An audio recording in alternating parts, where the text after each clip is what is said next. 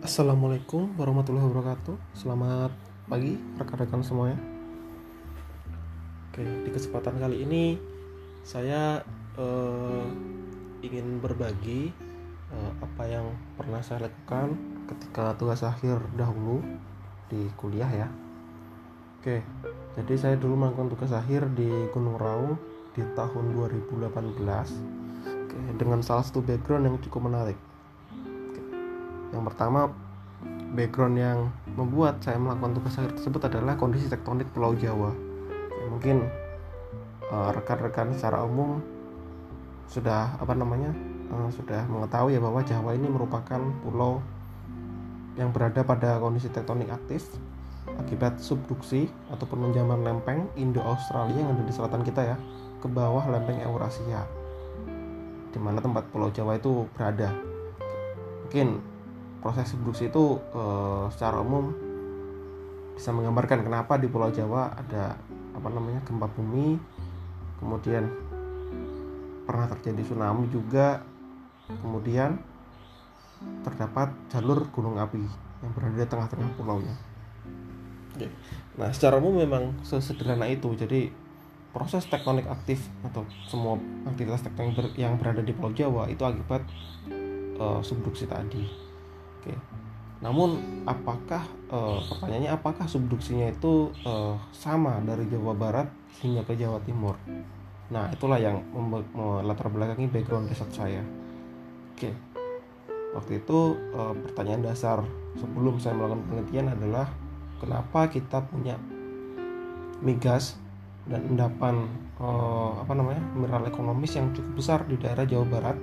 Oke kalau migas di, di, utara ya di cekungan Jawa Barat utara Jati Barang dan sekitarnya. Kalau di e, mineral ekonomisnya ada di selatan di Tasikmalaya Garut hingga ke Pongkor. Oke. Kemudian bergerak ke timur di Jawa Tengah sudah mulai menipis. Hampir tidak ada e, cadangan migas di pantai utara Jawa Tengah. Kemudian di selatan juga tidak terlalu besar e, keberadaan mineral ekonomis. Tapi hal tersebut kemudian e, berubah lagi di Jawa bagian timur. Oke, dari Jogja ke timur itu di utara kita punya cakupan Jawa Timur yang cukup banyak mengandung migas seperti itu ya. Kemudian di selatan kita punya jalur e, endapan mineral ekonomis yang cukup besar juga dari daerah Pacitan hingga ke Banyuwangi. Artinya apa? Harusnya e, ini ada pengaruh kondisi tektoniknya sama-sama subduksi ya, mungkin subduksinya dari barat ke timur itu berbeda. Entah berbeda sudutnya atau berbeda lempengnya dari ketebalannya atau jenisnya. Yang jelas ini ada satu kontrol dari kondisi tektoniknya. Seperti itu. Nah salah satu cara untuk mempelajari oh, karakter karakter lingkungan tektonik okay, dari satu tempat kan kita nggak mungkin oh, masuk ke dalam bumi ya untuk melihat bagaimana sih karakter apa bentukan subduksi yang ada di daerah Gunung Raung. Bagaimana sih bentukan subduksi yang ada di daerah Jawa Tengah atau Jawa Barat kayak gitu ya. Itu kan uh, susah. Karena teknologi manusia belum sampai ke sana untuk menembus bumi. Oke. Nah pendekatan yang dilakukan itu kita balik saja. Kita memanfaatkan material-material yang melewati lempeng tadi artinya yang berasal dari dalam bumi kemudian mereka apa ya melewati oh, lempeng tadi dan muncul ke permukaan bumi. Sehingga harusnya uh, material tersebut merekam apa yang ada di dalam lempeng dan bagaimana karakternya. Seperti kita uh, apa ya seperti kita melihat suatu aliran sungai kalau kita berada di muara sungai atau di daerah hilir kalau di sana kita menemukan sampah atau sungainya tercemar, bisa dipastikan bahwa di daerah hulunya atau di di sepanjang aliran sungainya itu kemungkinan besar kita menemukan sumber sampah atau sumber penyemarannya. Oke, seperti itu ya. Nah, mungkin penyemarannya dari laut bisa masuk ke dalam aliran sungai karena arus sungainya itu dari hulu ke hilir. Oke. Nah, sama saja kalau kita menemukan material di permukaan bumi yang asalnya dari dalam bumi, nah harusnya kita bisa melihat uh, perjalanan apa perjalanannya dia yang merekam uh, karakter lempeng yang dilaluinya. Nah, itu adalah konsep dasarnya. Sehingga saya kemudian mencari material apa yang bisa kita analisis, material apa yang dulunya di dalam bumi, sekarang muncul di permukaan bumi. Oke. Salah satunya adalah vulkanisme, ya. Produk gunung api, ya erupsi gunung api, lava, lahar, piroklastik kan semuanya dulunya berasal dari magma. Magma itu berasal dari dalam uh, perut bumi ya. Nah, magma yang tadi berasal dari perut bumi pasti uh, melewati lempeng-lempeng tadi bereaksi, berinteraksi dan sebagainya ya. Kemudian tererupsikan. Nah, jika kita mengidentifikasi produk erupsinya yang sekarang berada di permukaan ya, seperti lava, piroklastik maupun lahar, seharusnya kita akan mendapatkan uh, gambaran ya, gambaran mengenai karakteristik lempeng maupun kondisi tektonik yang ada di sana. Oke. Nah itu adalah salah satu uh, uh, pendekatan yang saya lakukan. Nah kemudian setelah melakukan pemetaan, mem, uh, apa namanya, mengelompokkan produk-produk vulkanisme yang ada di Gunung Raung, ke mana lavanya, ke mana laharnya, ada berapa, ke mana piroklastiknya, ada berapa, seberapa tebal, sudah dilakukan di pemetaan, kemudian barulah diambil beberapa sampel yang representatif. Oke dari beberapa hasil pemetaan tadi. Kemudian kita uh, saya melakukan analisis uh, geokimia batuan uh, nah ini analisis ini seperti kalau misalkan kita pernah dengar kasus uh, anak yang tertukar oke jadi kalau di film-film itu ada ya jadi ketika bayi mungkin di rumah sakit tertukar orang tuanya nggak tahu sampai dewasa nah baru kemudian uh, apa namanya uh, dikasuskan. Nah, dikasuskan ini kemudian untuk mencari kebenarannya salah satu caranya adalah tes DNA. Jadi anaknya diambil sampel DNA-nya, orang tuanya diambil sampel DNA-nya, kemudian dicocokkan. Nah, apakah benar ini tertukar nih atau ternyata tidak? Nah, itu kita bisa cocokkan. Oh, ternyata si A anaknya si A, si B anaknya si B. Nah, sama juga oh, apa namanya? Suatu uh, batuan gunung api yang sudah tererupsikan itu kita analisis geokimia kita bisa mendapatkan dalam tanda kutip DNA-nya artinya kita bisa uh, melihat uh, produk gunung api ini itu berasal dari gunung api yang mana kayak gitu ya. Jadi saya punya sampel lava saya nggak tahu uh, apa namanya pusat erupsinya. Misalkan di daerah gunung api yang sudah tererosi ya saya analisis geokimia itu kita bisa tahu uh, ini asal usulnya dari mana gunung yang mana. Yang kemudian kita juga bisa tahu ini berasal dari tektonik yang mana. Kalau di dunia kan banyak sekali ya jenis tektonik ya. Ada yang oh konvergen saling bertemu kemudian divergen saling menjauh ada yang berpapasan seperti itu ya jadi kita bisa tahu ini muncul dari tipe tektonik yang mana oke nah setelah saya mendapatkan data geokimia di Gunung Raung dari beberapa sampel lava dan piroklastik, saya analisis. Sebagian besar lavanya berko, apa namanya, memiliki komposisi uh, basalt hingga basaltic andesit. Jadi relatif uh, rendah SiO2-nya. Oke, kemudian memiliki sari magma yang uh, sudah sedikit uh, apa namanya mengalami proses fraksionasi yang, yang lebih lanjut sehingga seri magmanya adalah haika kalkalkalin. Jadi kalau yang biasanya yang yang yang normal itu kalkalkalin, ini sudah mengalami proses diferensiasi yang lebih lanjut ya, sehingga potasiumnya lebih meningkat. Ini ya kalau di geologi ya. Nah, menunjukkan bahwa di bawah sana magma Gunung Raung me, apa ya bertemu dalam tanda kutip atau berinteraksi dengan sesuatu yang membuatnya cepat berdiferensiasi dan di sini potasiumnya tinggi sehingga kemungkinan besar sesuatu itu adalah sesuatu yang uh, apa namanya banyak mengandung potasium seperti ya nah kemudian ketika dianalisis uh, menggunakan istilahnya ada nah yang namanya diagram laba-laba itu menentukan tadi batuan ini muncul dari tektonik yang mana itu saya plot kemudian ternyata plotnya sangat mirip dengan tipe aktif continental margin. Apa itu aktif continental margin? Nah, ini adalah jenis subduksi, ya salah satu bagian dari subduksi juga sebenarnya.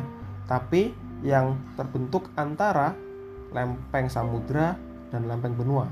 Kalau subduksi kan secara umum ada tiga. Jadi ada yang antara lempeng samudra dan lempeng samudra, lempeng samudra dan lempeng benua atau lempeng samudra dengan yang transisi ya. Eh, ketebalannya uh, antara benua dan samudra. Nah, ini di di Rahung itu menunjukkan mirip dengan tipe aktif continental margin yaitu antara lempeng samudra dan lempeng benua. Artinya apa? Oke. Artinya datanya konsisten atau apa namanya? Oh, data kimianya konsisten. Yang pertama memang benar harusnya dia melewati sesuatu yang tebal atau lempeng benua. Karena tadi diferensiasinya menjadi lebih lebih tinggi. Banyak potasium yang berasal dari lereng benua tadi. Yang kedua secara regional memang mendukung. Karena kenapa di Jawa Timur itu terdapat migas di utara dan endapan mineral di selatan? Karena ketebalan lempengnya cukup untuk membuat deposit apa namanya mineral ekonomis dan membuat cekungan migas yang cukup tebal. Kalau lempengnya lempeng samudra kemungkinan besar e, akan tipis sehingga tidak bisa apa namanya menyimpan uh, cadangan sumber daya alam yang sebesar itu. Oke. Nah, kemudian dari hasil uh, analisis saya saya simpulkan tadi bahwa di Gunung Raung itu mewakili daerah Jawa Timur pada umumnya merupakan zona subduksi, tetap subduksinya. Tapi subduksi antara lempeng samudra dan lempeng benua sehingga membuktikan bahwa salah satu kontrol tadi perbedaan tektonik yang ada di Pulau Jawa adalah ketebalan lempeng. Di Jawa Barat mungkin tebal, kemudian menipis di Jawa Tengah dan menebal lagi di Jawa Timur sampai melewati bawah Gunung Raung. Seperti itu. Oke. Nah, pertanyaannya sekarang eh, kok bisa berbeda tebalnya? Dari mana kira-kira? Nah, salah satu literatur dari Smith tahun 2007 mengatakan bahwa di daerah selatan Jawa Timur, oke, itu terdapat uh, pecahan lempeng uh, yang berasal dari Gondwana ya. Gondwana adalah superkontinen yang berada, berada di, di sebagian selatan bumi di masa awal-awal pembentukan uh, bumi setelah pecahnya Pangea. Jadi Gondwana ini kemudian mengalami break up. Jadi ada pecah-pecah, ada yang bergerak menjadi Australia, bergerak ke tempat yang lainnya. Nah, salah satunya adalah uh, fragmen lempeng yang berada di Jawa Timur. Nah, ternyata dari data itu juga mensupport hasil analisis saya bahwa memang di bawah Gunung Raung yang notabene ada di lokasi yang disebutkan oleh Semit tadi memang ada okay, lempeng berjenis uh, kontinen atau benua yang yang apa namanya yang eksis di bawahnya yang kemungkinan besar itu adalah fragmen Gondwana yang disebutkan oleh Semit tadi. Artinya apa? Di bawah Gunung Raung itu terdapat bagian dari Australia dan tanda kutip. Ya, atau Gondwana dalam hal geologi yang bergerak kurang lebih 4000 km dari posisi asalnya di daerah barat Australia masuk ke daerah Jawa Timur bagian selatan oke di sana eh, kemudian eh, apa namanya bergabung dengan bagian eh, pulau Jawa yang lainnya. Kemudian tersubduksi oleh lempeng Indo-Australia dari selatan oke menghasilkan magmatisme menerobos lempeng Gondwana tersebut menghasilkan Gunung Raung artinya di bawah Gunung Raung terdapat uh, lempeng benua yang umurnya cukup tua. Jadi ini satunya giga, giga tahun ya, miliaran tahun. Kalau Gondwana itu. Yang eksis di bawah sana dan cukup tebal. Nah, ini juga mempengaruhi aktivitas vulkanismenya. Kenapa kalau kita punya uh, apa namanya lempeng benua dan lempeng samudra berbeda? Nah, jelas ketebalannya berbeda. Kemudian komposisinya berbeda. Benua lebih asam, samudra lebih basah. Artinya apa? Akan mempengaruhi karakteristik magmanya. Kalau jalurnya lebih tebal, okay, maka magma tersebut akan memiliki waktu untuk berdiferensiasi, mengental, menambah tekanan sehingga menghasilkan erupsi eksplosif. Oke.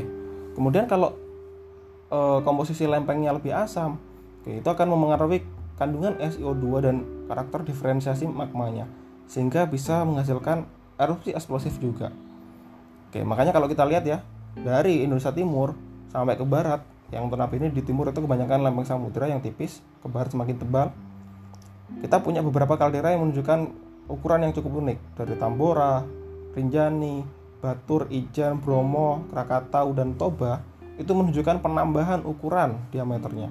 Jadi kalau kita punya Tambora kurang lebih 7 km, ke barat kita punya Toba yang enggak diameternya lebih dari 100 km sehingga fungsi eh, apa namanya perubahan diameter tadi itu adalah satunya fungsi ketebalan lempeng.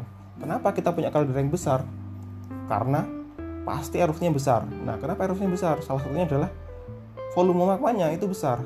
Kalau kita punya kaldera kan berarti ada ambesan gunung api ke bawah e, mengisi volume dapur magma. Kalau kita punya kaldera besar, artinya di bawah sana volume dapur magmanya juga besar. Volume dapur magma yang besar itu dapat e, dibentuk pada suatu ruang yang cukup lebar. Artinya kita harus punya lempeng yang tebal. Oke. Okay? Kalau kita lempengnya tipis, tidak mungkin kita membentuk volume dapur magma yang yang besar seperti itu ya. Jadi pengaruh tebal tipis lempeng jenis lempeng itu sangat penting dalam suatu vulkanisme gunung api. Nah, di Raung bawahnya ada lempeng benua cukup tebal. Ya, mungkin salah satu kontrol juga kenapa di Raung puncaknya kaldera karena memang volume dapur magmanya relatif besar di bawah sana. Di sebelahnya ada kaldera Ijen 20 km. Nah, itu adalah satu contoh juga. Jadi memang dari segi apa ya istilahnya kompornya sendiri material kompornya yang ada di bawah ya ini bukan magmanya tapi kompornya itu memang cukup untuk untuk membentuk suatu erupsi yang eksplosif di masa depan sehingga kita harus aware terhadap uh, potensi itu. Oke, mungkin itu yang bisa saya sampaikan. Semoga bermanfaat. Terima kasih.